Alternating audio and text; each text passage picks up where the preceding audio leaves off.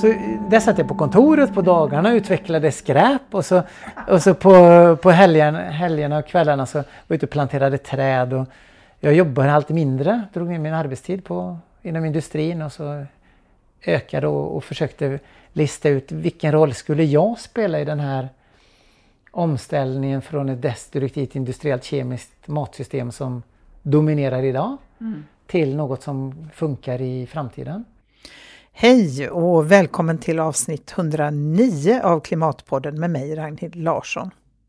Här får du möta forskare, aktivister, författare, journalister, psykologer, lärare, ingenjörer, ekobönder, omställare och alla andra som på en mängd olika sätt engagerar sig för att mildra de allra värsta effekterna av klimatkatastrofen. Ja, nu var det ju jättelänge sedan jag publicerade ett nytt avsnitt. Livet kom emellan. Först hjälpte vi mamma att flytta in på ett äldreboende och sen fick jag en hjärnskakning efter att ha tjongat huvudet rätt in i den öppna bakluckan på en bil. Och så lite vinterkräksjuka ovanpå det. Men nu är jag på banan igen och är väldigt glad över att få presentera dagens gäst, Göran Kristiansson, som jag träffade på hans gård i Laholm en blåsig dag i oktober förra året. Göran har skrivit boken Vägen till ett hållbart liv, Krossa livsmyterna. En bok som verkligen inspirerade mig. I boken berättar Göran om sin egen resa till ett hållbart liv. Från en överbetald, framgångsrik internationell eh, ingenjörschef specialiserad på robotteknik som trodde att tekniken och en ständigt ökande tillväxt skulle lösa alla de utmaningar vi står inför till en småskalig nötträdsodlare, föreläsare och författare. I boken får du också möta andra personer som har ställt om, allt för att inspirera framförallt andra vita medelålders män att ställa om och leva på ett mer hållbart sätt. I en tid där teknik framförallt förstör vår planet och tillväxt i sämsta fall ger oss fler prylar, lyfter han fram vad som faktiskt gagnar oss, visdom, relationer och naturen. Om du vill stötta arbetet med att göra Klimatpodden så går det väldigt bra att sätta in en valfri summa på Klimatpoddens helt nya Swish-konto 123 279 8692. Och ett varmt, varmt tack till alla er som valt att stötta Klimatpodden sen sist. Kom ihåg att höra av dig med synpunkter och förslag på gäster till kommande avsnitt. Men nu är det hög tid att köra igång dagens avsnitt med Göran Kristiansson. Varsågoda! Välkommen till Klimatpodden Göran Kristiansson! Tack! Vem är du? Jag är en eh, ingenjör från början, numera nötodlare i Laholm. Välkommen till våran gård. Ja tack, vi sitter här i ditt vardagsrum med en sprakande brasa. Eh, välkommen till vår gård, till våran nötträdplantskola. Eh, vi har varit här nu ett år och innan dess så bodde vi 20 år i Nederländerna. Ja. Så, och där hade jag också en plantskola ett tag. Och hur hamnade ni här på den här gården? Um, det är, en, det är framförallt för jorden som vi hamnade här. Um, det är här i södra Halland på en sandås kan man säga. Mm. Superfin sand som är jättebra för plantskole, för, för, för, så att träden får fina rötter. Så för två år sedan så bestämde vi att flytta till Sverige, min fru och jag. Min holländska fru Marijke. Eh, en av våra pojkar var, skulle plugga i Göteborg och då tänkte nu är ett bra läge att sälja radhuset i Holland och flytta upp till Sverige. Så vi åkte runt i södra Sverige med en spade och tittade på gårdar och till sist så hittade vi det här stället. För ni ville testa kvaliteten på jorden då eller varför hade ni en spade med er? Ja precis, för ja. så vi kan ha en plantskola här. Just det. Ja. Ja, vi ska prata lite mer om det tänkte jag sen, men hur blev du engagerad i klimat och hållbarhetsfrågor? Um, jag har alltid varit lite så här ide, idealistisk. Eh, tänkt att man vill göra något som är bra för världen. Uh, så på 90-talet var jag stödmedlem eller vad det heter till i Greenpeace. Och när jag var student pluggade fysik på Chalmers. Tänkte det är viktigt för framtiden. Eh, då var en kille i min korridor med och startade ett, ett, en vindkraftspark i Bohuslän. Mm. Som sen blev Bohusvind.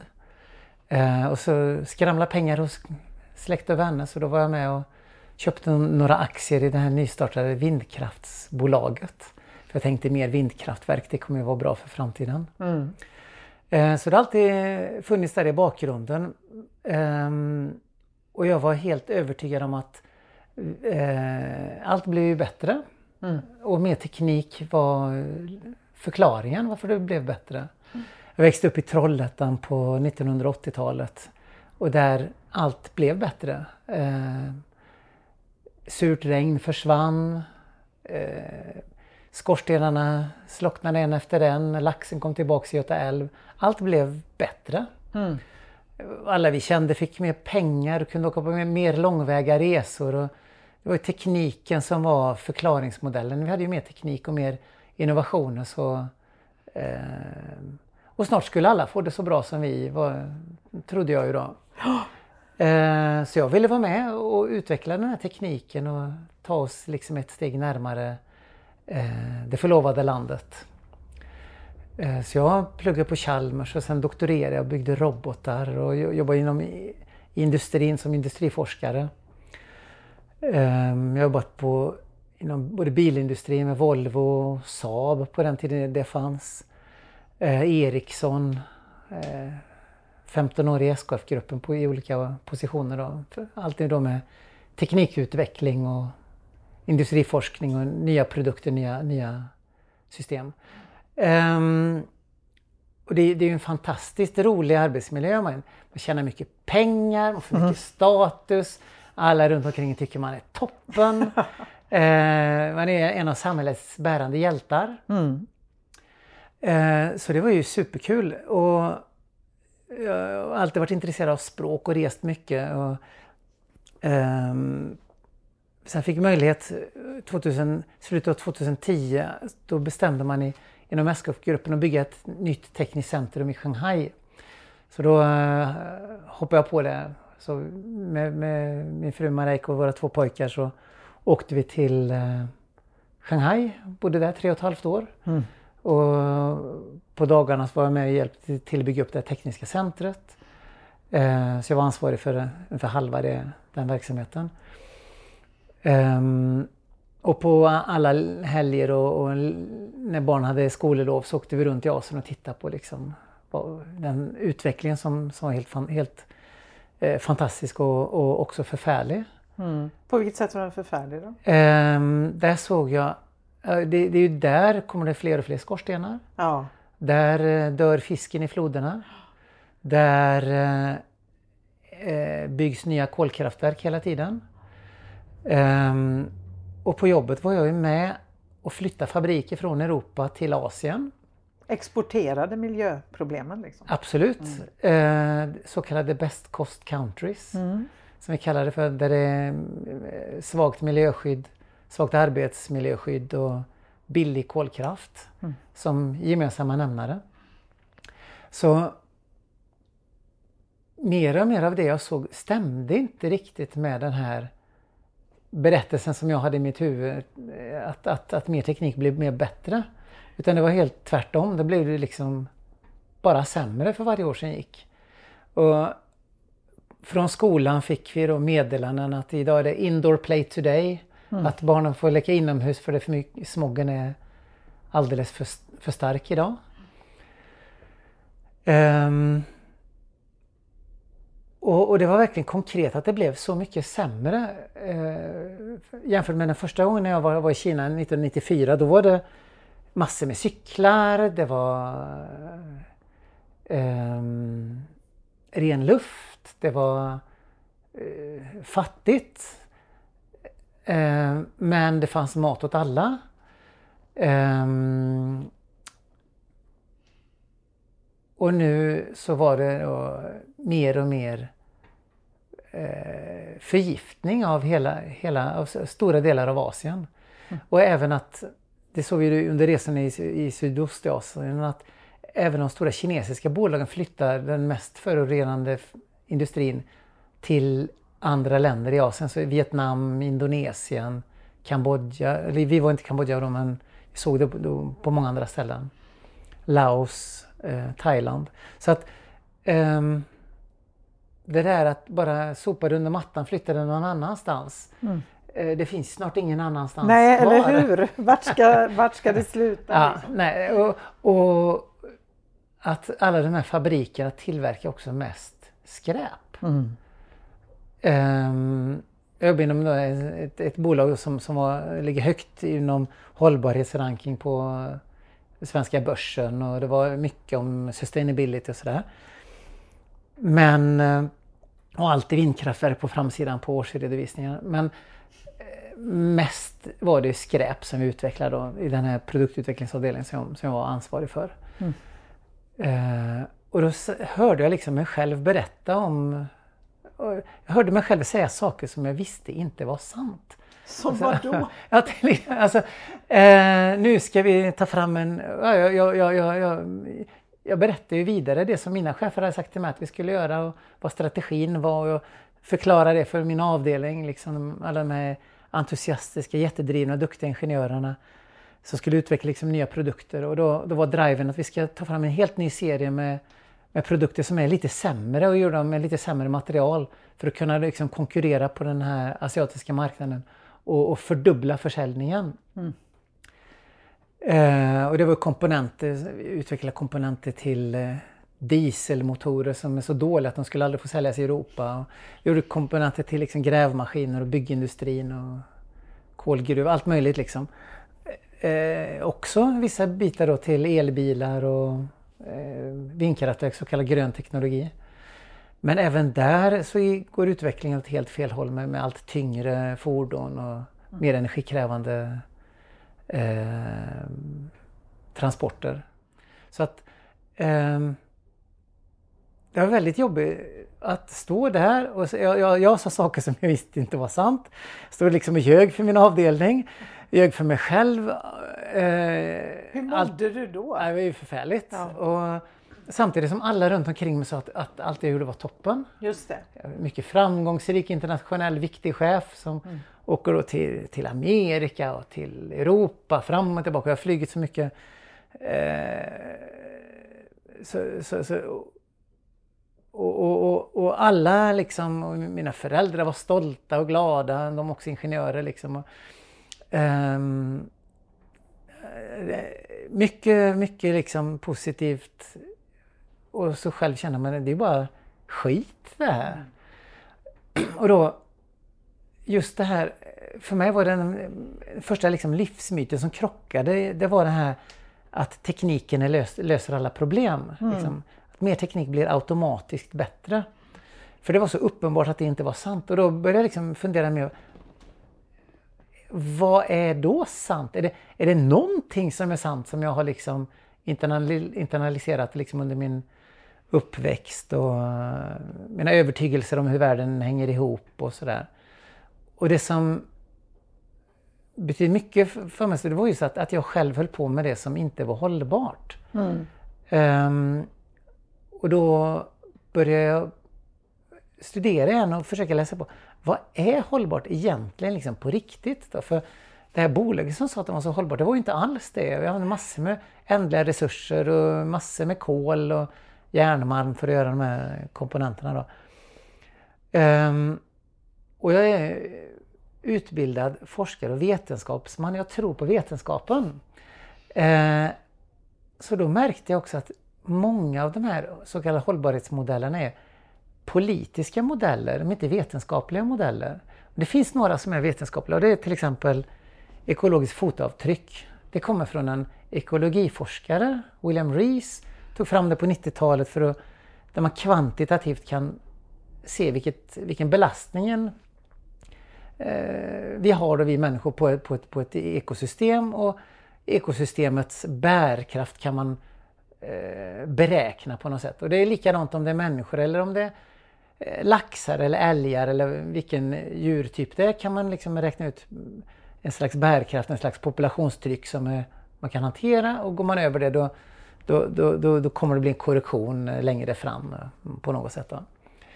Eller eh, Limits to Growth, Tillväxtens gränser, den, den boken som då kom redan på 70-talet. Ja. Som är också en vetenskaplig modell om, om, om hur, hur världen fungerar. Ehm, och sen kom då Johan Rockströms modell, den som han var med och tog fram, Planetens gränser. Som är egentligen samma som ekologiskt fotavtryck då, fast lite mer granulärt. Man ser vilka delsystem är det som, som, som vi överbelastar. Och där har vi överskridit nästan alla.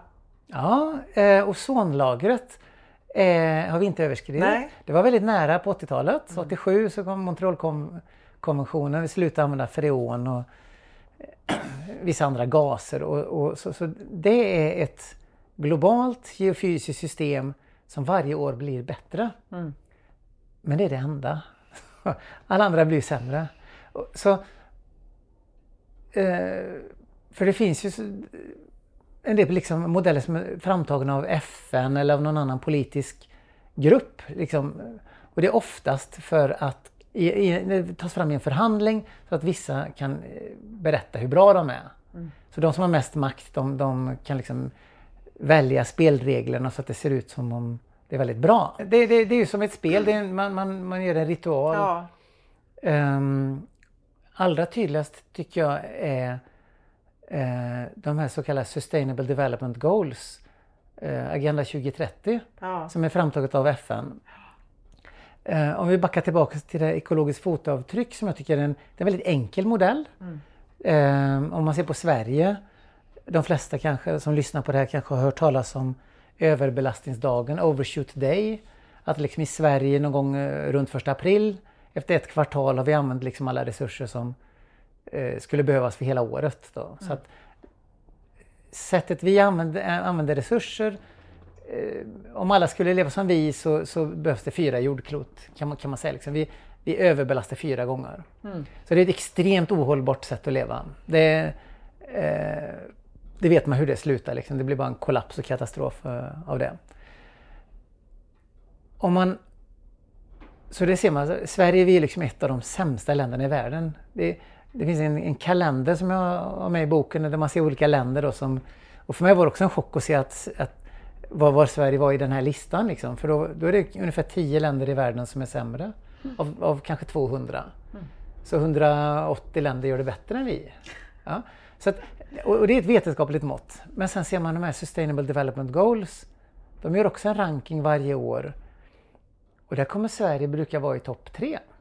En av de allra bästa. ja, det är ju fantastiskt med samma verklighet liksom. Ja, och den slutsatsen... Båda kan inte stämma. Nej, och slutsatsen jag drar det är att de här Sustainable Development Goals kan man inte... eh, De ska vi nog eh, lägga i... Vi ska inte... Ja, vi får nog slänga dem. Mm. För de handlar inte om det som är viktigt på riktigt. Och ändå har vi byggt så mycket runt om ju. Alltså det är ju något som alla lyfter fram, Agenda 2030. Ja, många gör det. Och det finns ju många, mycket konferenser, det finns mycket pengar. Ja, eller hur? Och, och det är ju väldigt skönt för det ser ut som vi gör, som är på väg åt rätt håll. Ja, det är ju väldigt, jag menar Christian Assar tror jag det var nu på Chalmers som skrev i någon artikel just om det där att vi är på väg åt rätt håll. Eh, vilket jag tyckte var helt ofattbart. Han hade inte räknat med konsumtionsbaserade utsläpp och inte biogena utsläpp. Eh, och, och det var som att allt det här som har hänt i Europa i sommar, i södra Europa med alla bränder och alla översvämningar och, och för att inte tala om, eh, om eh, liksom i afrikanska länder, i Libyen och sådär. Eh, som att det inte hade hänt. Och jag tycker man har ett väldigt stort ansvar om man är professor i fysisk resursteori. att inte skönmåla, men det är ju väldigt mycket det här ekomodernistiska då. Ja, jag, jag vet inte, jag har tyvärr inte läst den här Nej. artikeln. Jag har bara sett eh, lite rubriker. Ja. Det fick mycket uppmärksamhet. Ehm, men det är ju... eh, finns ju olika sätt att se vad man har för, för roll och Ja. det finns ju... Hela den här Chalmersvärlden är ju väldigt speciell på det sättet att det, det bygger mycket på den här att tekniken är lösningen. Just det. Ehm, men det finns även, även inom den världen och andra röster som Martin Hultman till exempel som har varit med i Klimatpodden. Så att det, men, men det som dominerar är naturligtvis, eller eh, fortfarande tyvärr, eh, storbolagens röst. Liksom. Att, man att man tycker det är helt oproblematiskt att ha eh, stora hallar som heter Volvohallen och, och sådär. Just det. Ja, det är verkligen eh, det är väldigt eh, nära där till industrin kan man säga, de har ingått någon sorts äktenskap. Eh, Men tillbaka tänker jag till dig, du gick där då och kände mer och mer att det här skavde. Det här som du såg och kände att det här är fel. Och hur, hur länge höll du på då? Hur länge kunde du fortsätta med detta? Ja, alltså, vad hände? Ja, jag kom ju på att det var jag som var problemet. så att det, jag som flög liksom kors och tvärs och sådär. Eh, så det måste jag ju sluta med kände jag väldigt starkt. Eh, och det här var kanske 2012-2013. Mm. Flyttade vi tillbaka till Europa 2014.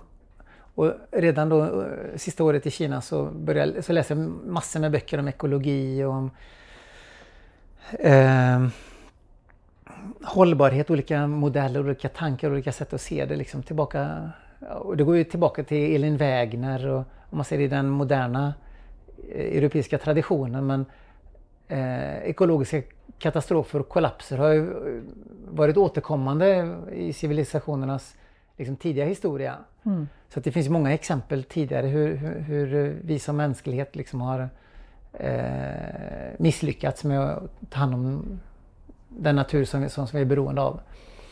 Ehm, så det gick och, och, och jag, jag, var, jag, jag var väldigt sökande. Jag funderade på, finns det något jag kan göra som är någon poäng överhuvudtaget? Liksom? Eh, det är lätt att tänka att eftersom vi människor överbelastar planeten kanske bara bättre att ha färre människor.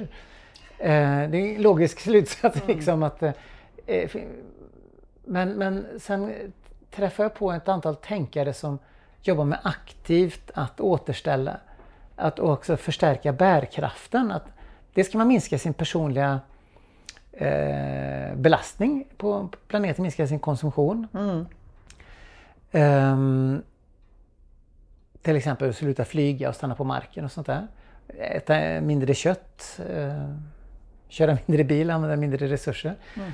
Men också kan vi, så då minskar man det ekologiska fotavtrycket, men man kan också förstärka sitt handavtryck, alltså den, eh, hjälpa till att återställa den skadade ekologi som finns runt omkring oss.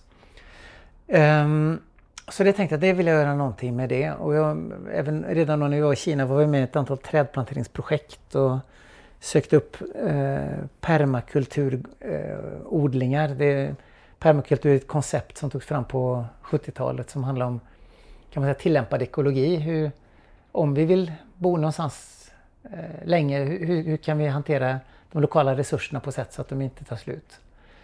Eh, permanent kultur i någon mening. Mm. Um, och då kommer jag tillbaka till de här vetenskapliga modellerna för eh, planetens gränser, det som kanske många har sett som tårtbitar. Eh, de, de senaste modellerna är sen någon slags orangea röda tårtbitar runt en grå mittenzon. Eller runt en, och en grön eh, säker zon i mitten. Då. um,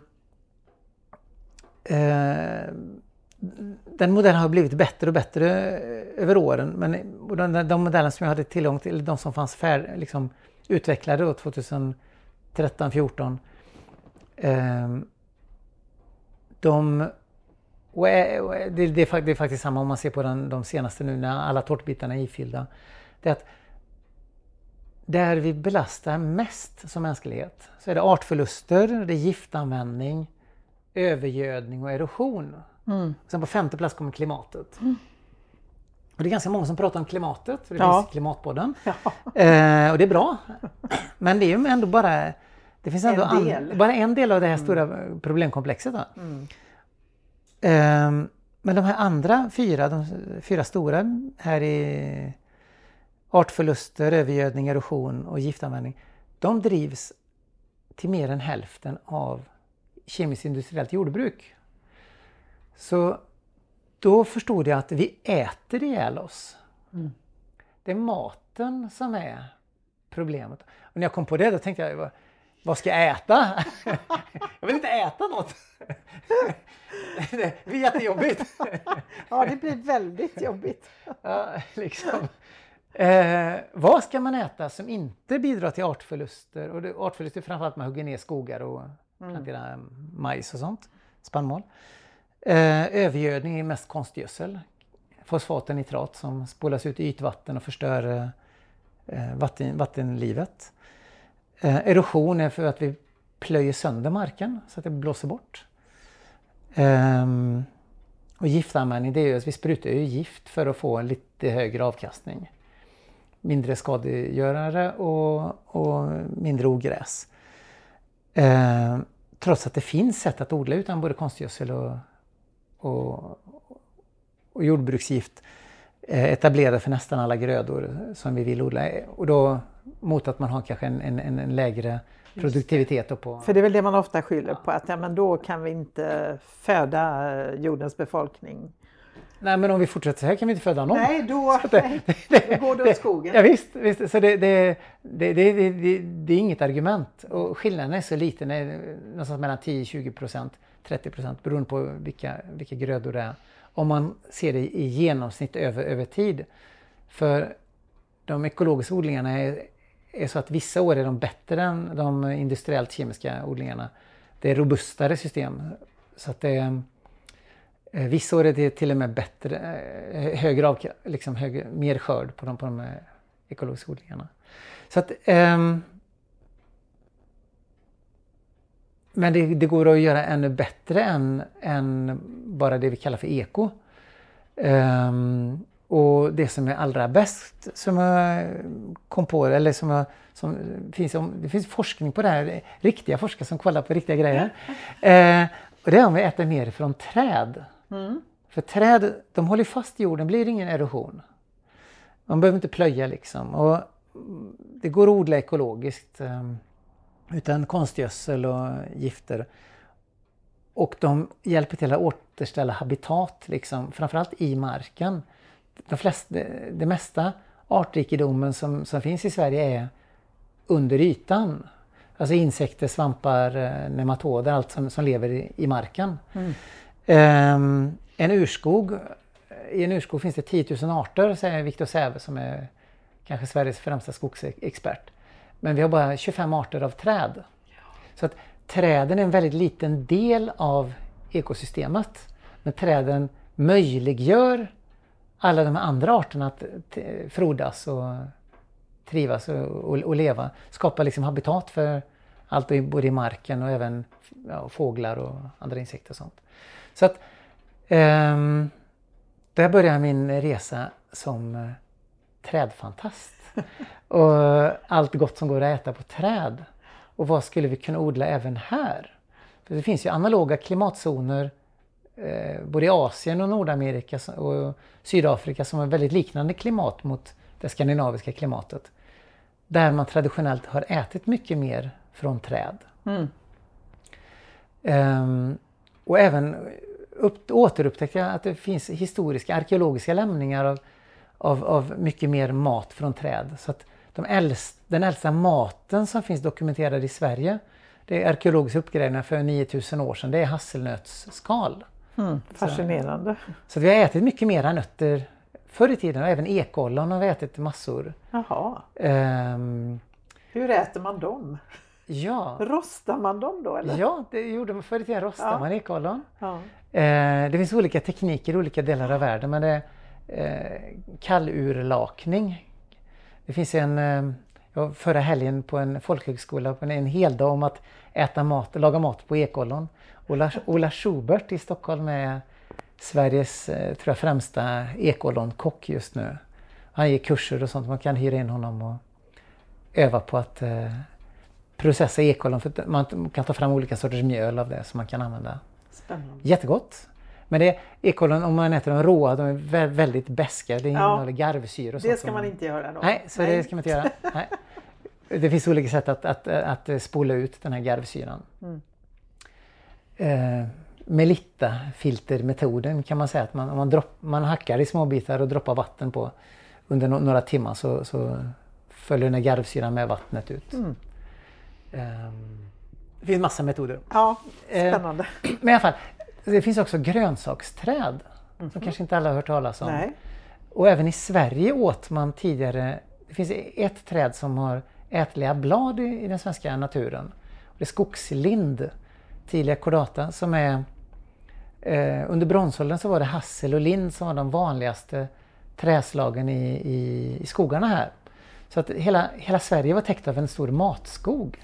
Slags skogsträdgårdsodling. Mm. Där man kunde gå runt och bara äta eh, det som fanns. Det fanns också mycket mer vilda djur då, så, på den tiden.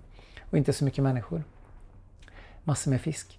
Um, I Asien finns det till exempel det kinesiska lökträdet som ett träd där bladen kan användas ungefär som, ungefär som vi använder purjolök. Mm. Så där har vi också några stående här ute, vi kan provsmaka dem sen. Eh, det finns mängd olika träd med ätliga blad. Det finns också ärtträd, ärtbuskar som, som har liksom, ja, frön som hänger i ärtkapslar kan man säga. Så det, och det finns traditioner liksom i, i, olika delar av världen att äta mycket mer från träd. Även den äkta kastanjen finns, eller kastanjesläktet finns över hela norra halvklotet och har också varit en viktig del av, eh, av eh, en stabil mat, uh, basmat för, mm. för människor både i Nordamerika, Europa och Asien. Mm. Um, där har vi inte haft någon tradition i Sverige. Det har inte växt så mycket kastanjer här, vi har inte odlat det. Men eh, det, det finns eh, arter och sorter eh, kastanjer som funkar jättebra här. Det tror jag mycket på. Mm. Så i alla fall, så där satt jag på kontoret på dagarna och utvecklade skräp och så, och så på, på helgen, helgerna och kvällarna så var jag ute och planterade träd. Och jag jobbade allt mindre, drog ner min arbetstid på, inom industrin och så ökade och, och försökte lista ut vilken roll skulle jag spela i den här omställningen från ett destruktivt industriellt kemiskt matsystem som dominerar idag mm. till något som funkar i framtiden. Så jag eh, kan man säga praktiserade. Jag eh, pratade med olika eh, aktörer i, i livsmedelskedjan och jobbade lite med, på olika ställen. Och, eh, eller ja, hjälpte till. Så jag frågade, kan jag komma en vecka och jobba hos dig? Och, för att lära dig? För att lära mig och för att förstå mer. Vad är ja. det? Vad, vad, är mat? Och vad är... Hur, jag lärde känna en, en, en jätteduktig mjölk, mjölkbonde i den stan där vi bodde då i, i Nederländerna. Joop. Um, som har en, en, en väl, superdivers blandgård med 35 kor som han mjölkar och en eh, grönsaksträdgård med, med, så som drevs av en annan grönsaksodlare med ett andelsjordbruk. CSA, Community Supported Agriculture. Så det var 50 familjer som eh, delade på skörden. Man la in en peng i början på året. Då han hade ägg och lite kött från de kossorna som var bångstyriga. Och, eh, ja, blandat liksom. Och tillsammans med honom så, så planterade vi ut också valnötsträd där i beteshagarna där kossorna gick. För att eh, korna behöver lite mer lä och skugga, särskilt på blåsiga dagar som, som idag. Mm. Eh, men även skugga då när, när, när, när, solen lyser mycket på sommaren. Så tillsammans, eh, så där, där kunde jag prova på vad är det med att uh, ta hand om mjölkkor och hur, hur funkar en mjölkrobot och hur går det till när de ska kalva och men även när han odlar sitt eget spannmål då, så vi hanterar råg och korn och vete. Vi köpte en mjölkvarn så vi kunde mala i, baka eget bröd på, på det här. Och för att få, liksom förstå mer vad är, vad, vad är mat och inte. Och jag gick hos flera olika eh, plantskolor och också för att se i början av processen, bland annat hos en plantskola som, som specialiserade på valnötsträd. Mm. Ton Friesens eh, plantskola Smallekamp som är eh, Hollands bästa på, på valnötsträd. Eh, 50 olika namnsorter, olika smak, smakar på valnöt. Sen är också wow, lite kastanj, lite, olika sorter, det var mycket. Ja. lite hickorynötter från Nordamerika, lite pekannötter också från Nordamerika. Även asiatiska kastanjer. Så att, um, och det så, så jag fick lära mig hur man gör för att ympa och värmebehandla. Och, det är en ganska, ganska krånglig process, särskilt för valnöt och hickory och pekan. Eh, men kastanj är mycket lättare och ännu lättare är liksom äpple och päron och sånt. Det är det allra lättast. Jag tänkte att det här, det här var härligt, liksom, kunna jobba med träd och sen också jobba ihop med, tillsammans med bönder för att få ut mer träd liksom, i jordbruksmarken. Mm. kan, först som ett komplement men sen kanske för att ta över och eh, på sikt att, eller att bli mer ekonomiskt eh, intressant del av, eh, av verksamheten. Mm, att övergå mer till trädodling. Ja. Så de senaste tio åren har jag jobbat mer och mer med, med trädodling. Eh, och för tre år sedan slutade jag helt industrin och har levt på att sälja träd. Och hur går det då? Eh, ja, bra. Eh, det är inte alls samma ekonomiska eller jag tar inte så mycket betalt att jag kan ta samma inkomst som jag hade som överbetald ingenjörschef. Eh, så, så jag har nog gått ner med kanske 75 procent i lön. Eller så. Ja, det är mycket. Ungefär. Ja. Men barnen har flyttat hemifrån. Eh, eh, behöver inte så mycket pengar. Nej. Och sen 2017 har inte flugit något mer så det blir mycket billigare semester. eh, odlar mycket mat själva så det är inte heller så dyrt. Um, så att eh, den här livsstilen, medelklassens livsstil är ju full av slöseri. Mm. Eh, jag tycker Åsa Axelsson har skrivit en fin bok om det, om, om ekorrhjulet och om den här slentrianslöseriet som lätt blir eh, om man bara kör på. Mm. Um, ja, man anpassar ju lätt sin, eh, vad ska man säga, sina utgifter efter inkomsten. Det blir liksom någon sorts nollsummespel ju nästan. Har man lite pengar gör man av med lite, har man mer så gör man av med mer och så.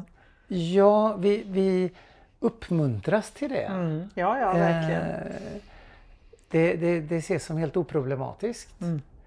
Eh, ja, tvärtom, det är ju status. Liksom. Ja, precis, status. Och, och, och, även från politiskt håll så, så ska, ska, man ju, ska vi ju se till att få eh, hjulen att rulla genom att konsumera mera och inte sitta och hålla i våra sparpengar. Eh, en möjliggörare för mig som, som, som var viktig också som jag skulle vilja dela med det är att vi bodde i Holland och där är det många som jobbar deltid. Jaha. Eh, I Sverige dominerar tyvärr den här heltidshetsen. Att helst ska man ha två som jobbar heltid i familjen. Ja. I, I Holland så har den, om man är anställd någonstans, så, så, så får den anställde välja hur många timmar i veckan man jobbar. Man får byta arbetsvolym en gång om året. Mm -hmm. Fantastiskt. Eh, och det gör att väldigt många jobbar tre dagar eller fyra dagar i veckan. Och eftersom många gör det så... Det är inget konstigt? Liksom. Så det är inget konstigt och det, man har kommit överens om hur man ska hantera det. så att eh, De flesta som jobbar tre, mindre, de jobbar då inte på onsdag och fredag. Så då vet man att på tisdag och torsdag är alla på kontoret. Mm. Om man ska ha något möte för all, hela gruppen och resten då tar man, jobbar man lite när, när det behövs. Och just att ge den anställde, in, så det är facken som har drivit igenom att, att ge den anställde den här makten över sin eh, arbetsvolym så att säga. Som jag tycker är väldigt, väldigt bra, som jag tycker vi borde införa i Sverige med detsamma. Ja, det låter ju fantastiskt. Men jag tänker återigen ett område där, där vi tror att vi är så väldigt bra i Sverige och har så bra arbetsvillkor och sådär. Och så liksom, det, man hör ju inte så ofta talas om sånt här. Jag har aldrig hört det tidigare faktiskt. Nej, eh, det, det, finns på alla områden tror jag det finns någon som gör det bättre än Sverige. Ja, faktiskt. Jag har bara en uppblåst självbild. Ja, och, och, och, så länge man tror att man är bäst så frågar man ingen annan Nej. om hur de gör det. Så att det, det, det bromsar oss mm. mycket just den här vanföreställningen att Sverige är bäst.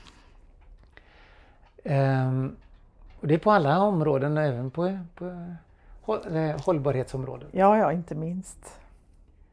Uh, men, och jag tänker, apropå det här med, med arbetsvolym. Uh, en, ett, ett problem som uppstod i Sverige är att i, i och med emanciperingen, att, att kvinnorna började jobba, um, att båda förväntas jobba, är att vi gick från att arbeta, att, att, att det räckte att en jobbar eh, fem och en halv dag i veckan till att nu måste man jobba liksom tio dagar i veckan som familj. Mm. Um, och det är ju något som är orimligt i det, tycker jag. Ja, ja, verkligen. Um, å andra sidan så kan det, kan det också vara skönt att och jobba mycket för då behöver man inte tänka efter på de här andra frågorna i livet. De existentiella frågorna eller man behöver inte tänka så mycket på klimatet om man ändå har fullt upp med sitt liksom. Om man ska skjutsa och hämta och lämna och jobba och kanske resa i tjänsten och så. Ja, men är inte det ett jättestort hinder, tänker jag, just för att människor ska kunna engagera sig? De orkar inte, hinner inte, för de jobbar så mycket och har fullt upp med att få det så kallade livspusslet att gå ihop. Absolut. Så att det blir ingen tid, för jag tycker det är lite så här gemensam faktor för många jag känner som engagerat sig i klimatrörelsen, att det har varit någonting som har fått dem att stanna upp i livet. Mm. En kris eller ja, någonting i alla fall som gör att man börjar tänka efter lite mer. Och då finns det utrymme mm. för att inse att nej, men det här funkar ju inte, det här går inte, vi måste göra på ett annat sätt. Ja, och, och så prioriterar man då att kanske gå ner i arbetstid eller ja men en del har ju sagt upp sig och jobbar heltid som klimataktivister. Och så, så att, eller gör någonting annat då, men i alla fall man, man slutar det här som man bara har gjort per automatik på något sätt utan att kanske reflektera så mycket. Alltså jag uppmanar alla lyssnare att gå ner i arbetstid. Ja. Och då kommer många att säga, men det har inte jag råd med för jag har den här och den här utgiften och... Då äh, säger jag att äh, det är inte alla som kan det. Nej. Men de allra flesta kan. Mm. Och det är mycket utgifter som inte behövs. Äh, återigen kommer tillbaka till Åsa Axelssons äh, fina bok om ekorrhjulet. Äh, hon beskriver mycket humor hur hur eh, det går att spara pengar. Mm. Leva rikare liv med lägre utgifter. Mm, bra tips. Ja. Nej, men jag tycker att det, det blir ju lätt så också att jobbar man mycket och kanske har lite ångest över att man har ett halvt meningslöst jobb, eller som man känner själv är meningslöst, så är det lätt att döva sin ångest genom att kanske konsumera mer, mm. resa mer. Mm. Eh, så, det, så det blir ju någon sorts ond spiral där. Ja. Dålig spiral. Liksom. absolut. Eh, man kan må så dåligt av sitt jobb att man verkligen behöver en semester långt bort. Just det. Eller att man tror att man... Man tror man, att man behöver ja, det. Ja. Man, man, säger det till sig själv i alla fall. Att ja. Man behöver det. Ja. Eh, men det finns ju många ute i marginalen som väljer andra sätt att leva. Jag tycker en intressant, en annan podcast om man gillar att lyssna på, på, på, på poddar är Andra sätt av eh, Patrik Andersson som eh, inte har kommit med några nya avsnitt på länge. Men den finns ute på nätet att eh, söka efter och, ladda ner. Downshift.se. Okej, okay, så då kan man få lite inspiration där? Ja, han intervjuar massor med folk som valde det, det som man kallar då att downshift, att, att, att dra ner på utgifterna. Ja. För att skapa mer utrymme och frihet i livet. Mm. Eh, du har ju skrivit en bok också som egentligen är själva anledningen till att vi sitter här. För att du skickade den här boken till mig. Ja. som jag läste med stor behållning. Ja. Krossa livsmyterna. Ja. Och vad var det som fick dig att skriva den? Jag började skriva för att förstå själv vad det var som hade hänt. Jag, det tog ett tag innan jag kom fram till just den här titeln men um, hur det kom sig att jag som hade liksom en av Sveriges bästa utbildningar. Eh, och, och, var framgångsrik och en hyllad eh, man i medelklassen. Inte hade en aning om hur världen, hur det stod till liksom med, med den ekologiska överbelastningen till exempel. Eller, eh, hur är det möjligt att, att, att att, att jag inte hade någon aning om, om, om, om, om, om verkligheten. Så, så jag först skrev jag framförallt för att själv förstå vad, vad, vad hände? Vad hände? Och, och hur kommer det sig? Alltså, jag har träffat nu senare också, bland annat inom klimatrörelsen, många ungdomar som är mycket smartare än jag som kom på det här redan kanske i, i tonåren. Liksom. Eh, för mig tog det innan jag var 40 när jag förstod liksom hur, hur det hängde ihop. Eh, så och då kom jag på just det här att det var att jag hade en, en världsbild som, som inte var sann. Och som, men som kanske var sann på 1900-talet. Till Mm. exempel att tillväxt är toppen och, och sådär, Sverige är bäst. Det kanske har varit sann, eller funnits något korn av sanning tidigare men, men, men, men inte, inte är så längre. Och när jag var, gick med i de olika klimatmarscher och sånt så såg jag mest ungdomar och en del pensionärer, ganska mycket kvinnor men ingen som såg ut som jag. Inga medelålders vita män. Liksom. Eh, och det är vi som, vi vita medelålders män som sitter på nästan all makt i samhället idag. Mm. Vi äger eh, nästan all mark, vi äger nästan alla industrier, alla aktier. Eh, vi har massor med makt och inflytande och vi använder det på helt fel sätt. Så därför skrev jag den boken framförallt för att, att, att, att möta liksinnade. Så att eh, du är ju inte riktigt målgruppen för den här boken, kanske du kände igen också när du läste den. För jag har skrivit mycket om, om hur det var att vara, vara eh, framgångsrik ingenjör och sådär. Men det, och, och så har jag intervjuat också sju andra vita män, eh, en till varje kapitel, som också gjort en omställning i livet. Um, och jag valde den vinkeln just för att få en igenkänningseffekt Mm. eh, hos eh, mina eh, kollegor kan man säga. Eh, andra ingenjörer och ekonomer som sitter på viktiga positioner i samhället och förstör och ser till att vi inte har någon framtid. Mm. Eh, och att det, de gör det helt i onödan. Och jag vill också dela med mig att det är mycket roligare att leva ett liv som är i kontakt med verkligheten så som verkligheten faktiskt är. Så för, för mig blir det en stor skillnad. Jag mådde mycket bättre när jag förstod hur det låg till liksom och, och, och upplevde att jag själv faktiskt kunde bidra Just det. på något riktigt sätt. Ehm, inte bara genom att bet- betala skatt eller så som en del har som ursäkt till varför de håller på med sina eh, förfärliga produkter eller vad det nu kan vara. Mm. Så, så, så min, min förhoppning är att jag kan hjälpa andra som sitter på något överbetalt ingenjörsjobb och, och mår dåligt, att hjälpa dem att sätta ord på vad är, var är det, det skon klämmer, vad är det Just som det. är, Varför, vad är det som gör att jag faktiskt inte mår speciellt bra i det här Precis. Ja, ja, ja. sammanhanget? Så det är min förhoppning. Ja. Eh, Vad har, du fått, vad du fått för reaktioner då? Har du, alltså dina före detta kollegor och andra vänner som i samma typ av jobb och sådär. Har, har, du, har du Ja. fått några reaktioner? Ja, ehm, eh, ganska många positiva reaktioner. Mm. Också från oväntat håll. Ehm, och många som har läst boken säger, eh, är väldigt, väldigt positivt till att, att den är lättläst och tydligt. Ehm, men sen också från många håll tystnad. Ja, Och, och de flesta är artiga så gillar de inte så säger de inte så mycket. Eh, så, så ska nog inte dra för stora växlar på feedbacken som, som, som, som vad folk säger. Jag vet inte, vad tyckte du själv? Om Du bok- boken? ja? ja nej, men jag blev ju väldigt inspirerad just för att den är väldigt handfast och personlig. Det tänker jag är en nyckel. Eh, därför att det gör ju att man, eh, ja det blir någon sorts igenkänning även om jag då inte har haft de här toppjobben och så.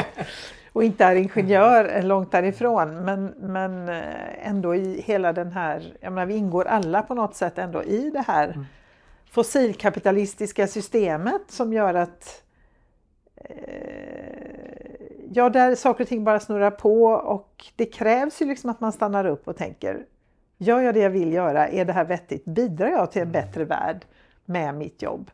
Och gör man inte det så känns det ju väldigt eh, Ja, det är lätt att känna de här känslorna av meningslöshet. Och det mår man inte speciellt bra av. Och jag tänker det är så många människor som går runt idag och mår dåligt.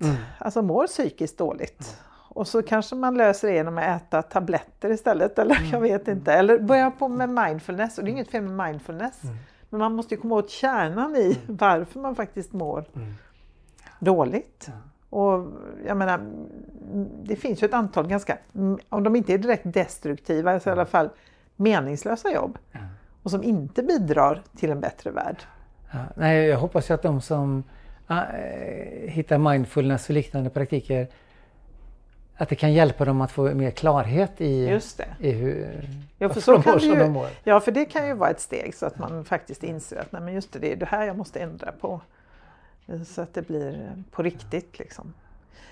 Nej, men vad, vad tror du krävs för att fler ska våga ta det här steget? För det är ändå ett ganska stort steg. Om man inte har ja, man kanske inte lever i ett sammanhang där andra gör så här. Så att börjar man eh, gå ner i arbetstid eller till och med säger upp sig från jobbet. Och och det här det strider ju väldigt mycket mot normerna kan man säga. Det här att lämna ett välbetalt jobb för att, För att odla träd. Ja. Ja, ehm, eh, jag själv är en försiktig person så jag tog det i små steg. Det tog mig tio år hela den här omställningen. Ehm, en del kanske gör det bara över en natt. Så. Men vi är alla olika, man får Ja. hitta, en väg som passar en själv.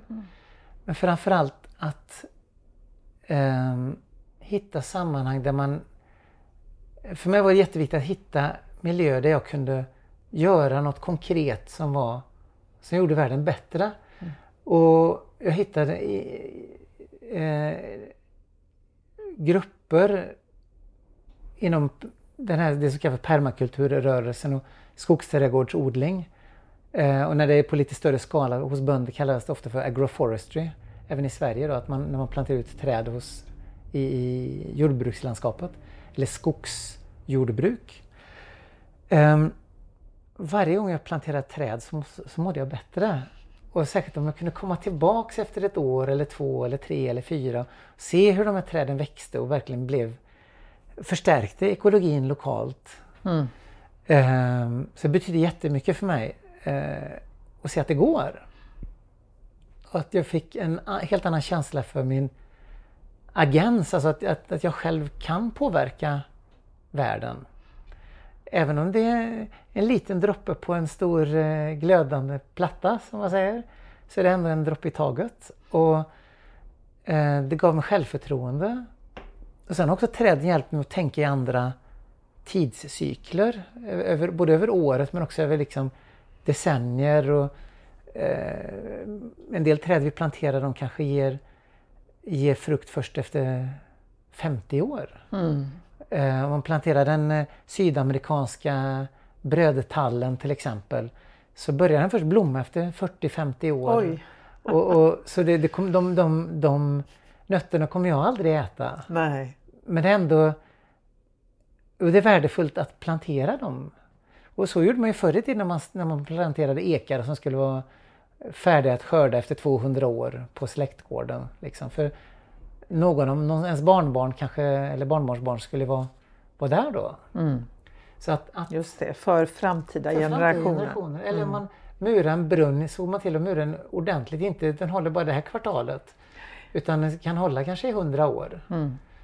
Ehm, och, och, så för mig det, har det varit många sådana konkreta, att, att göra konkreta saker till, tillsammans med andra människor eh, gav mig mycket tro och handlingskraft att, att orka ta nästa steg. För, det är många, för mig var det många, många små steg som till sist ledde till att vi nu sitter här i, på våran gård. Ja. Du har sett ute på fältet, nu har vi eh, ungefär tusen nöträd som, eh, som, som vi planterade in här i våras och som, eller som har stått här nu under året och som är färdiga till försäljning i, i november. Så vi har gårdsbutik både november, varje lördag i november och i mars. Och jag är jättenervös, tänk om det inte kommer någon och köper några träd. Eh, och det har jag varit varje november.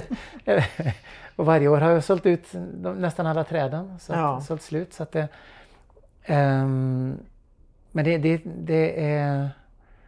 Jag är inte orolig men jag är ändå nervös.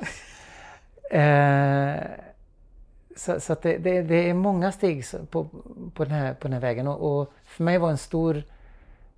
Det var, var, var många saker. Dels att jag har kunnat läsa om andra människor som också gjort, eh, ändrat sina liv. Mm. Eh, att det går. Eh, träffat människor som lever an, andra sorters liv. Så jag har träffat mycket mer intressanta människor nu än när jag satt på kontoret. Alltså, kontorsmänniskor är ganska tråkiga. Det är ofta en ganska paranoid. det är mycket rädsla på kontoret. Man, folk är rädda för chefen, rädda för varandra. Man är rädd för att sticka ut, rädd för att säga något som inte eh, funkar i fikarummet. Mm.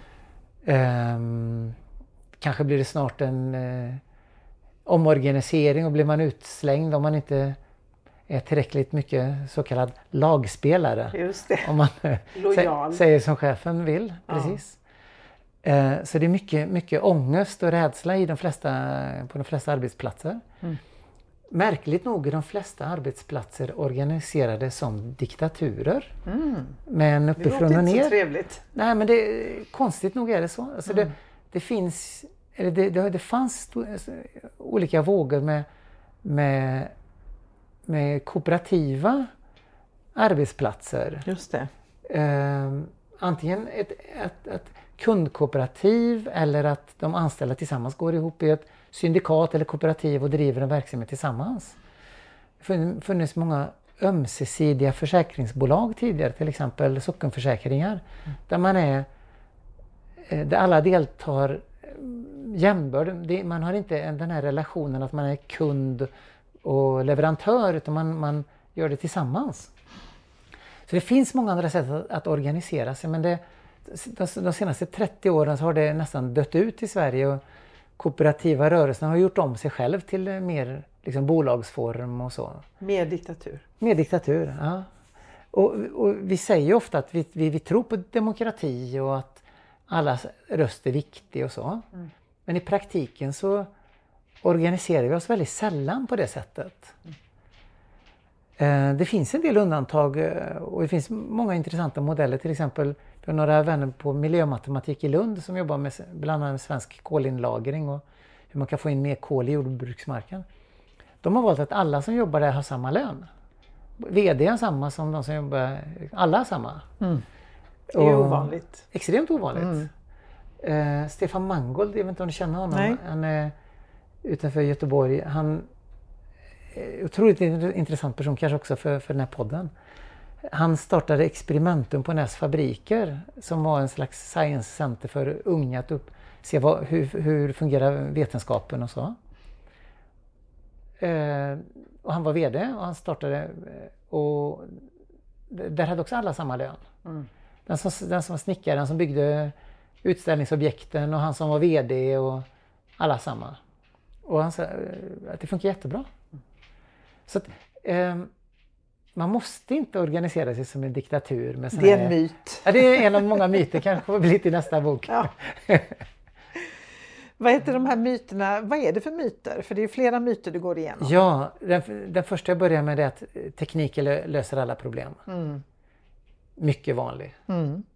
Ja, inte minst inom klimat... eh, Alltså för att lösa klimatkrisen så är det en, en berättelse som är ganska stark. Ja, Just det där ja, eh, ekomodernistiska, tekniken löser allt. Och, och, och, och, eh, som teknisk fysiker har jag jobbat mycket med vad är material och energi runt eh, ta fram olika material och sånt och se att det är, det är mest en bluff. Mm. Ehm, vi kan leva ett, ett, ett, ett eh, vi kan leva jättefina liv inom planetens gränser och inom klimatsystemets gränser. Men inte så som vi lever nu. Nej, Det går inte. nej. Eh, vi måste anpassa oss. Och den, den anpassningen, det är en intressant ingenjörsutmaning. Hur bygger vi hus som behöver kanske 90% mindre energi för att värma upp? Som ändå är, är hälsosamma och komfortabla. Sånt kan man satsa på. Eller till exempel, jag har jobbat inom bilindustrin. Det finns en tävling varje år där man tävlar på att åka så långt som möjligt på en liter bensin. Kan bygga specialbilar och sådär. Eh, De som vann 2003 de skrev en bok om det här. The World's Most Fuel Efficient Vehicle. Några student, eh, forskare och studenter på ETH Zürich, en teknisk högskola i Schweiz. Eh, de åkte, om jag minns rätt nu, 5000 kilometer på en liter bensin. Oj, Ekvivalent då. De åkte inte så långt men de åkte eh, en viss sträcka och så räknade man om då energianvändningen. Då. ja, fattar. Medan en energisnål bil idag kommer kanske 20 kilometer. 25 om man har riktig tur. Ja. Och de kom 5000 kilometer. Och då tänker jag liksom varför accepterar vi att man får sälja bilar där man bara kommer 20 kilometer? Som ja, samhälle, vad beror liksom, det på? Jag, jag, tror att det beror på att, eller det är må, må, många, många grejer som det beror på. Framförallt att vi ingenjörer eh, låtsas som vi inte har något ansvar i att välja vilken sorts problem vi löser. Utan det får chefen bestämma. Mm. Oftast är det då någon marknadschef i slutändan som säger att vår nästa plattform ska vara ännu större och ännu tyngre och ännu sämre. Eh, jag var med och jobbade på, det är nu 20 år sedan, på den första Volvo XC90 som var Volvos första SUV-bil. Mm. Som kom, det var den största och tyngsta och mest energikrävande. Volvon någonsin. Ja, det är väldigt provocerande man läser ja. SUVar. Ja. Det var helt förfärligt och jag var mm. delaktig i det. Mm. För, och det var, vi ingenjörer ställde oss inte frågan varför ska vi göra en sån? Nej. Det var liksom ingen diskussion och sen dess har Volvo kommit med ännu större och ännu tyngre bilar. Liksom Volvo V90, en slags kombibil och ännu tyngre och ännu mer resursslösande och ingen elmotor utan bara bensin och diesel. Så vi bygger liksom monsterbilar som, som, som, som det går åt otroligt mycket energi och resurser och även mycket mer elektronik i så det blir också dessutom mycket mer giftigt skrot. När, man, när, när, när, bilen inte håller längre. Mm. Och ju mer elektronik vi stoppar in desto kortare livslängden också för det är mer som kan gå sönder. Uh, så att den här diskussionen, när jag studerade till ingenjör då på 1900-talet på Chalmers, då var det ingen diskussion alls om vilken sorts problem ska vi lösa. Vad, vad, har vi någon roll i att styra samhället åt något bättre, i en bättre riktning? Eh, utan det låtsas vi som om det är någon annan som får bestämma. Och så kör vi bara på och så får marknaden eh, eh, välja vad som eh, folk vill köpa eller reklammakarna kan få driva på åt något håll där man tror man kan tjäna mest pengar. Mm. Eh, så, så, så jag vill uppmana alla att eh, ställa frågan ofta. Va, vilket samhälle vill vi ha? Vilken sorts teknologi skulle behövas för ett sådant samhälle? Mm. Och då är det ofta te teknik som redan finns. Um, en fantastisk vet vetenskapsjournalist är Christer Decker, en belgare. Han, han driver en on online eh, medieplattform som heter Low Tech Magazine. Mm. Där han beskriver olika sätt att lösa problem med hjälp av low tech, alltså utan elektronik. Istället för high tech. Istället ja. för high tech då. Eh, ofta är det ju att titta tillbaka, hur gjorde vi tidigare? När vi inte hade sånt extremt energiöverflöd som vi har idag. Mm. Hur gjorde man då för att mm. hålla värmen eller odla mat eller vad det nu kan vara? Mm. Så det är också en, en, en, kan vi kanske sätta en länk i show notes här till Lowtech Magazine. Um, så det här att tekniken löser alla problem, det var en av de här myterna. Och jag tror, så den kan jag lägga bakom mig. Mm. Då tänker jag istället, visst finns det teknik som kan vara användbart. Jag har glasögon till exempel i mm. toppen. Det är en bra grej. Ja, ja. Eh, det finns teknik som gör, gör, gör, livet enklare. Vi har eld som en teknik. Jag använder liksom en kniv, jag ympar träd, det är en teknik. Mm. Eh, som, som, som, gör, som förbättrar liksom livsmöjligheterna på, för oss människor. Mm. Härligt att bo i hus. Mm, ja. Härligt att ha en kamin. Liksom. En sån här blåsig, kall dag. Ja, ja. Så, men jag tror att i princip all teknik som behövs finns redan. Det är inte mer innovation som kommer att uh, ändra på det på något fundamentalt sätt. Uh, men det kommer behövas uh, helt andra, sorters produkter i framtiden i ett lågenergi, ett samhälle med mycket mindre material och resursanvändning. Mm. Och det går. Mm. Om vi vill. Så, ja, det är ju mycket det, att vilja. Man måste ju först komma på att det är fel. Ja. Att det här inte funkar och sen liksom ta ut en ny riktning. Ja, visst. Men, men vad är det fler för myter, för mer my, ja, äh, fler, ytterligare myter du tar upp i Till boken? exempel eh, våra globala ledare leder oss rätt. Mm. Trodde jag länge. Du skrattar Ja, förlåt. Men eh, jag, jag blev väldigt optimistisk efter Paris. Eh, mm. Jo, men det var nog många som var. Ja. ja. då sa vi att vi skulle hålla nere till en och en halv grad och vi skulle minska koldioxidutsläppen. Eh, och alla skrev på. Mm. Och så gick alla hem och så sket man i det. Ja. Så det är en stor liksom, desillusionering att se det. Och för mig var det, kom, var det ganska abstrakt. Det här, jag visste väl om det på något sätt men eh, jag tror det var 2019 så var jag med i Milano. En av mina pojkar var med på en så här, ungdomsklimatkonferens inför något COP-möte. Vi åkte dit med tåget, ett gäng eh, klimatungdomar och jag. Och jag, var med och lyssnade på en del av de här föredragen och då kom eh, miljöministrar och klimatambassadörer och Italiens president Mario Draghi då, och berättade hur fantastiska de var och vad de gjorde för klimatet. Och det var nästan bara ljug. Mm. Så jag höll på att trilla av stolen och jag satt bara, va? Vad sa han? För som i Italien, då hade de just sänkt eh, skatten på eh, naturgas för att det, det, det, blev höst och det blev dyrt att värma husen. Så det var lite eh, protester mot det så då sänkte man skatten så att folk kunde köpa mer naturgas då. Mm. Så det inte skulle vara så dyrt för de fattiga.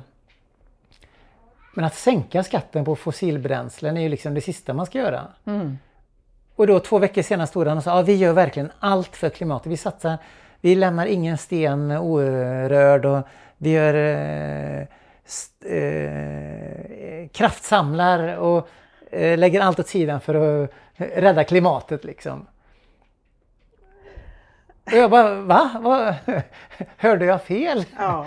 Sådär. Så, och, och, och sen kom det en efter den andra och, och de sa liknande grejer och då, då verkligen kom det, det gjorde så ont i magen liksom. Va, varför är det så här? För jag hade tidigare sett industrirepresentanter stå och ljuga. Mm. Och på något sätt eh, accepterar vi även det. Och det är också i efterhand har jag tänkt, varför tillåter vi det liksom? Mm. Eh, att, att, att någon som är VD för ett bolag kan stå och bara tvärljuga om, om sina produkter eller vad det nu kan vara. Mm. Bara för att eh, rädda eh, aktiekursen. Mm. Um, men det händer tyvärr. Men att våra folkvalda ledare skulle vara likadana, det hade jag inte riktigt förstått förrän då. Men då, så då, då fick jag också tänka om. Jag, nu tror jag mer att det, det är vi som är ledare. Mm.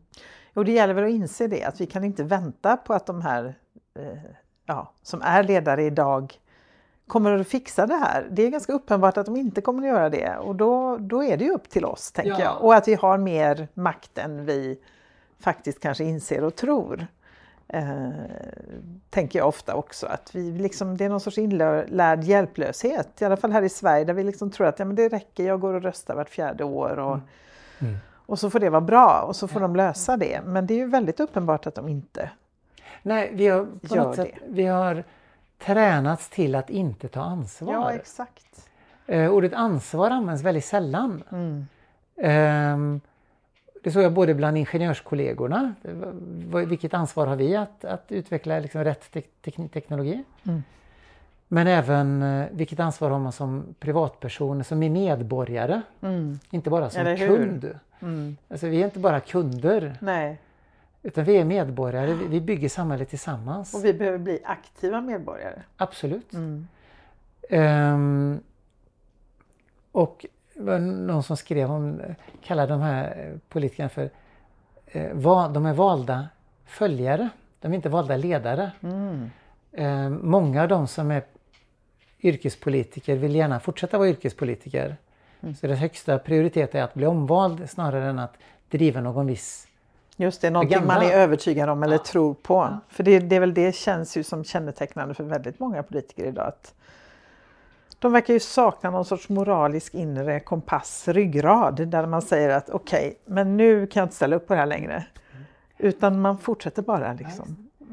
Eh, ett exempel från Nederländerna, alltså med premiärminister nu fortfarande, han har varit det i 13 år. Han eh, hade ett, ett, ett tal för några år sedan. Han sa visioner, det har folk som hallucinerar. Men snälla! Ja, en, det är en slags eh, höger, eh, en motsvarighet till Moderaterna. Ja. Ett, ett väldigt eh, ett, ett maktparti som, som, som, som, som skyddar ägarklassens intressen. Liksom. Mm. Eh, de vill egentligen inte ha någon förändring. Nej. Gärna avskaffa arvsskatt och förmögenhetsskatt och sånt där. Så att uh, förstärka ägarklassens grepp om resurserna. Men, men, men sådana här förändringar är inte de intresserade av. Så. Och då blir det väldigt visionslöst och, väldigt idéfattigt. Mm. Så det var myt nummer två? Ja, myt nummer två. Det var en av myterna. Och Sverige är bäst var en myt. Ja. Till exempel, det handlar om den, den här eh, ekologiskt fotavtryck, att vi är faktiskt bland de tio sämsta i världen. Ja. Nej, men det är ett jättevanligt argument. Så fort man tar upp någonting i någon debatt så är det alltid någon som kommer Men åk till Kina! Vad vi gör spelar absolut ingen roll. Alltså det, det är ungefär som att ja, man brukar använda argumentet om så Sverige försvann från jordens yta ja. imorgon så skulle det inte spela någon som helst roll. Eh. och, och, och, det är ju i någon mening sant. Jag menar, vad, samma argument är eh, kan man av, då be, den, den, som säger det, be att den inte ska rösta nästa val. För Eller hur, det spelar ändå ingen roll. roll. Och en, vad en människa gör spelar ingen roll. Nej, och så nej, kan man ju säga då, ja men titta på Greta. Ja, visst. Eller alla andra, Eller som, alla andra. Som, eh, som, som, som är nej, fantastiska. Det är, det är, en väldigt konstig människosyn, eller syn ja, på visst, visst. Samhället. Och sen måste ju inte en människa rädda hela världen. Nej, förhoppningsvis inte. Det går ju inte. Nej. Utan vi får alla rädda en liten, liten bit. Um, det finns, just nu så lever vi i en, en, en massutrotning mm. där vi tappar insekter på global nivå. I nästan alla, i nästan alla ekosystem så minskar mängden insekter med 2% om året. Mm. Vilket är en otrolig för, urarmning. Så vi lever i en tid, vi lever redan i en slags kollaps. Ja. Katastrofen är redan Den är här. här ja. Den är här, det, ja. det har börjat. För alla arter som försvinner, eh, de kommer inte tillbaks. Nej. Så, så um, och det är också någonting som, som um, är ett långt steg till den att, att, att acceptera att kollapsen är här. Uh, det är inte så som man pratar om det om man, om man, om man lyssnar på nyheterna eller läser i tidningen eller så. så det är, ett, ett gap mellan den observerbara verkligheten och den officiella verkligheten. Um, ofta känns det för mig om jag kollar på nyheter eller läser tidningen som i Sovjetunionen 1985. Mm. Att, att ledarna sa att nu är det rekordskörd och alla har det bra i Sovjetunionen. Detta mönsterland som, som, som alla snart vill efterlikna. Samtidigt som det var kö för att få bröd och det kanske tog slut innan man själv kom fram sist i sådär. Att det, mm. att det var ett gap liksom mellan den observerbara världen och den officiella världen. Mm. Och där är vi även i, idag i, i, i Sverige. Eh, så det gör det väldigt förvirrande för eh, medborgarna att, att, att förstå vad är det som händer egentligen. Extremt. Vem, vem kan man lita på? Eh, kan man lita på någon? Eller ska jag ta min favorit eh, och bara säga att det den säger det måste vara sant? Ja, det finns väldigt många olika sanningar kan man säga. Ja, eh, men ja, olika världsbilder kanske. Mm, mm. Jag, jag, tror ju att verkligheten ändå till sist kommer ifatt. Mm.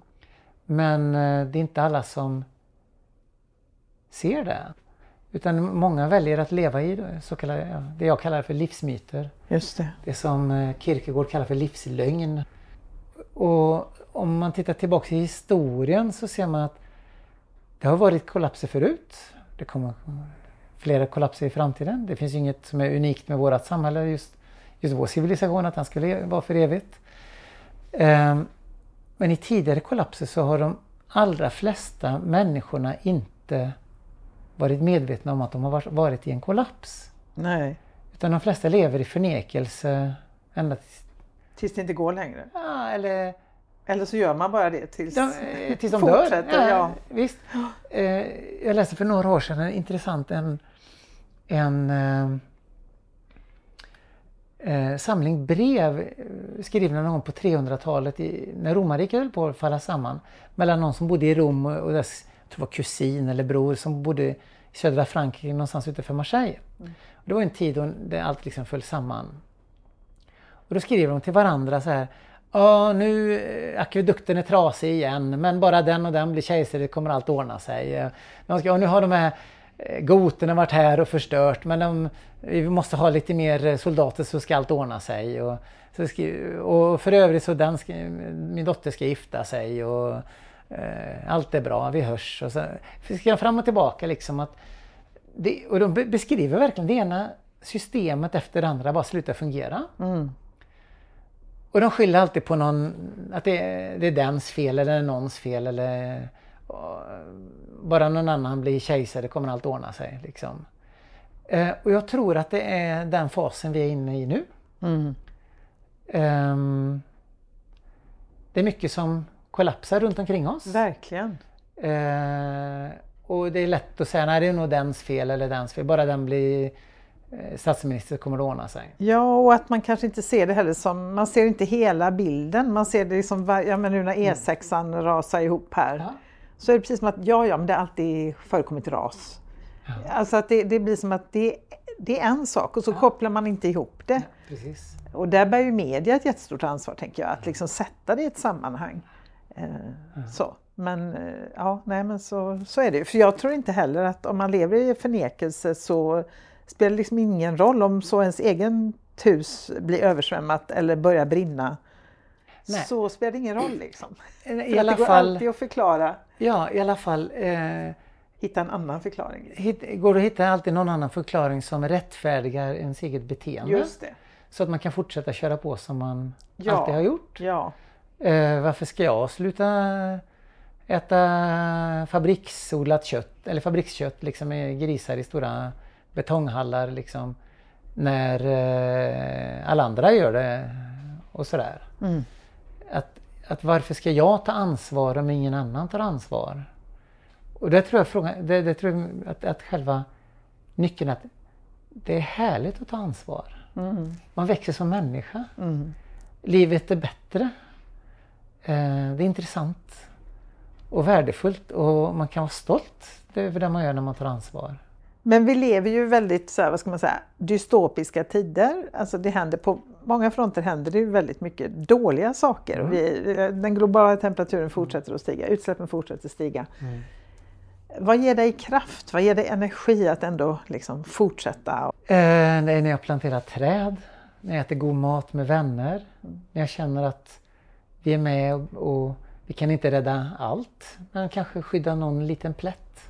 Mm. Någon del av uh, världen som inte uh, förstörs av, av det här destruktiva systemet. Um, Men eh, det är inte alltid lätt och det är fysiskt tufft. Det är ett hårt jobb att odla med träd och gräva upp och plantera och sådär. Ibland är det kallt som idag. Ehm, men det är aldrig meningslöst. Så... Um, också att, att jag vet att jag inte är ensam. Det är många som hjälps åt. Mm. Det är många som tillsammans vill skydda någon bit av skogen kanske, återställa någon våtmark, mm. ta tillbaka en bit av framtiden. Mm. Eh, så vi får hjäl hjälpas åt att stötta varandra för det, det är ju motigt. Och med den eh, politiska ledning som är i Sverige idag, 2023, eh, de eh, fattar ju en hel mängd beslut som går åt helt fel håll. Mm. Eh, sänka bensinskatten och sånt, andra saker som, som är för att vinna billiga populistiska poäng istället för att ta ansvar för framtiden. Det som är jag skulle vilja vända till exempel, jag tycker det är ett väldigt bra exempel också eftersom eh, de gula västarna i Frankrike protesterade mot att det blev dyrt att tanka. Och det är dyrt att tanka. Det kostar tusen spänn att fylla tanken om man har en stor bil. Problemet är att de protesterar på fel ställe.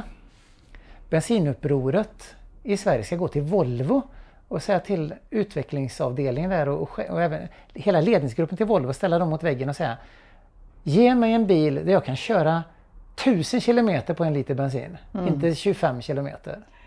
Jag vill ha en bil som, som är 10 gånger bättre eller 100 gånger bättre. För, för det går. Eh, de här gula västarna i Frankrike skulle gå till Renault och Peugeot istället och kräva att få så att de kan ta sig till sina jobb, kan ta sig, förflytta sig på landsbygden och, och så att hela landet kan leva med, en, med, en, med ett minimalt energi, minimal energianvändning. Mm. Um,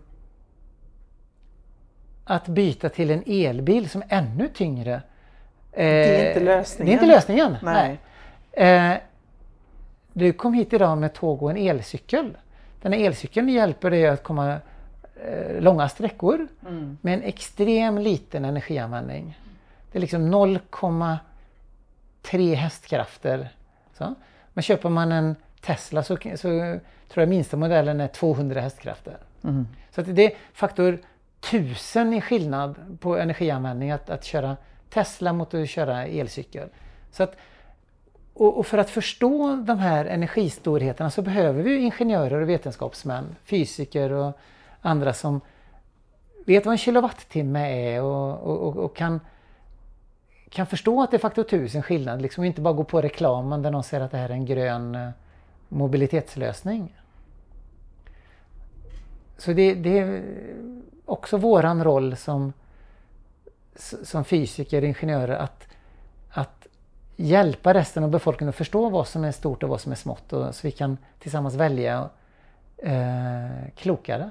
Just det, rikta in oss på det som faktiskt har betydelse. Ja. Eh, Eh, till sist undrar jag, vad är ditt bästa tips till någon som nu lyssnar och blir inspirerad och känner att alltså jag vill ändå göra någonting, jag vill ändå ändra mitt liv. Vad ska, vad ska man göra då? Ja, då ska man titta, göra en översikt över, över sina utgifter och kolla vad är de största bitarna och se till att minska på dem. För då får man mest effekt. Eh, nästa steg när man har mindre utgifter kan man dra ner på sina inkomster. Skapa mer utrymme att tänka efter och göra ännu klokare val framåt. Ehm, ett boktips är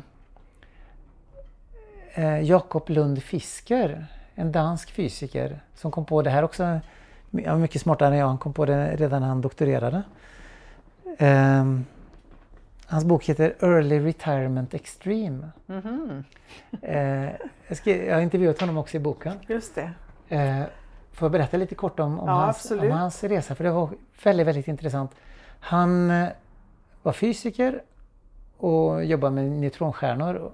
Och det är i sådana stjärnor som metaller och så skapas. Det som, det som finns i jordskorpan har en gång skapats i en exploderad neutronstjärna. Så han, han fick väldigt bra koll på hur mycket metaller och så finns på jorden. Och tittar på hur mycket har vi använt fram tills idag. Det var för 20 år sedan ungefär. Vi har använt nästan allt. Oj, det är inte mycket kvar. ja, det kommer ju gå åt pipan. Eh, men så då tänkte han, det måste ju gå att... Han ställde sig liksom den vetenskapliga frågan, går det att leva på ett sådant sätt som inte uttömmer jordens resurser? Och då tänkte han, han får göra ett experiment. Så han gjorde ett experiment på sig själv. Och så räknade han ut då med de bästa informationen han hade om hur mycket resurser som går åt liksom, och hur mycket resurser som finns.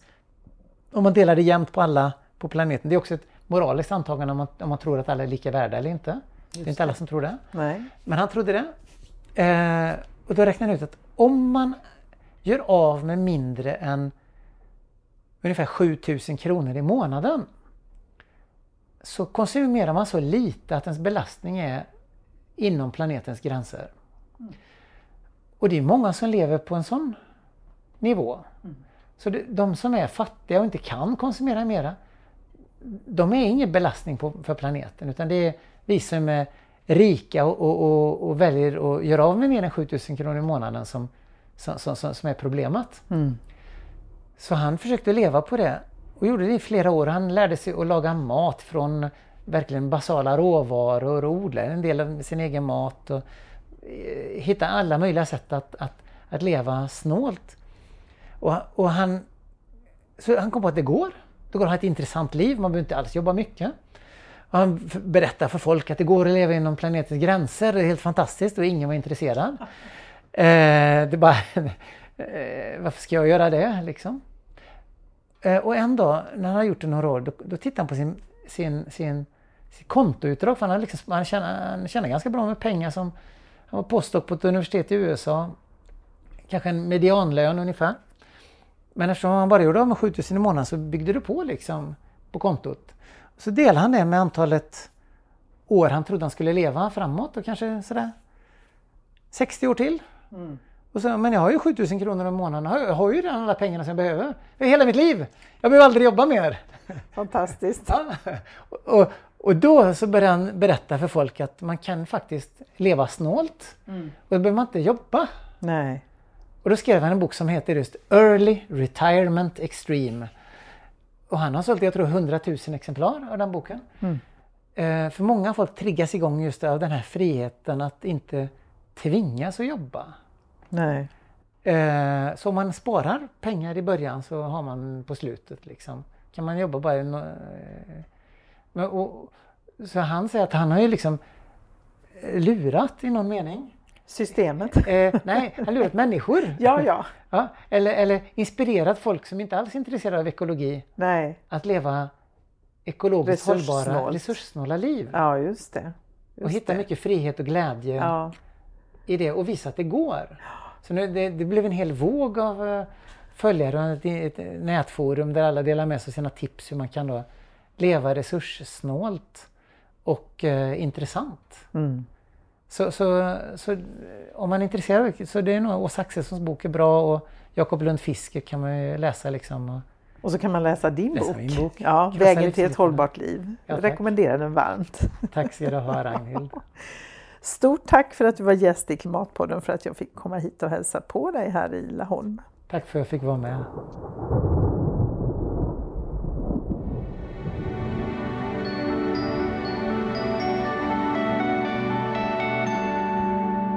Du har lyssnat på Klimatpodden som produceras av Konvoj Produktion.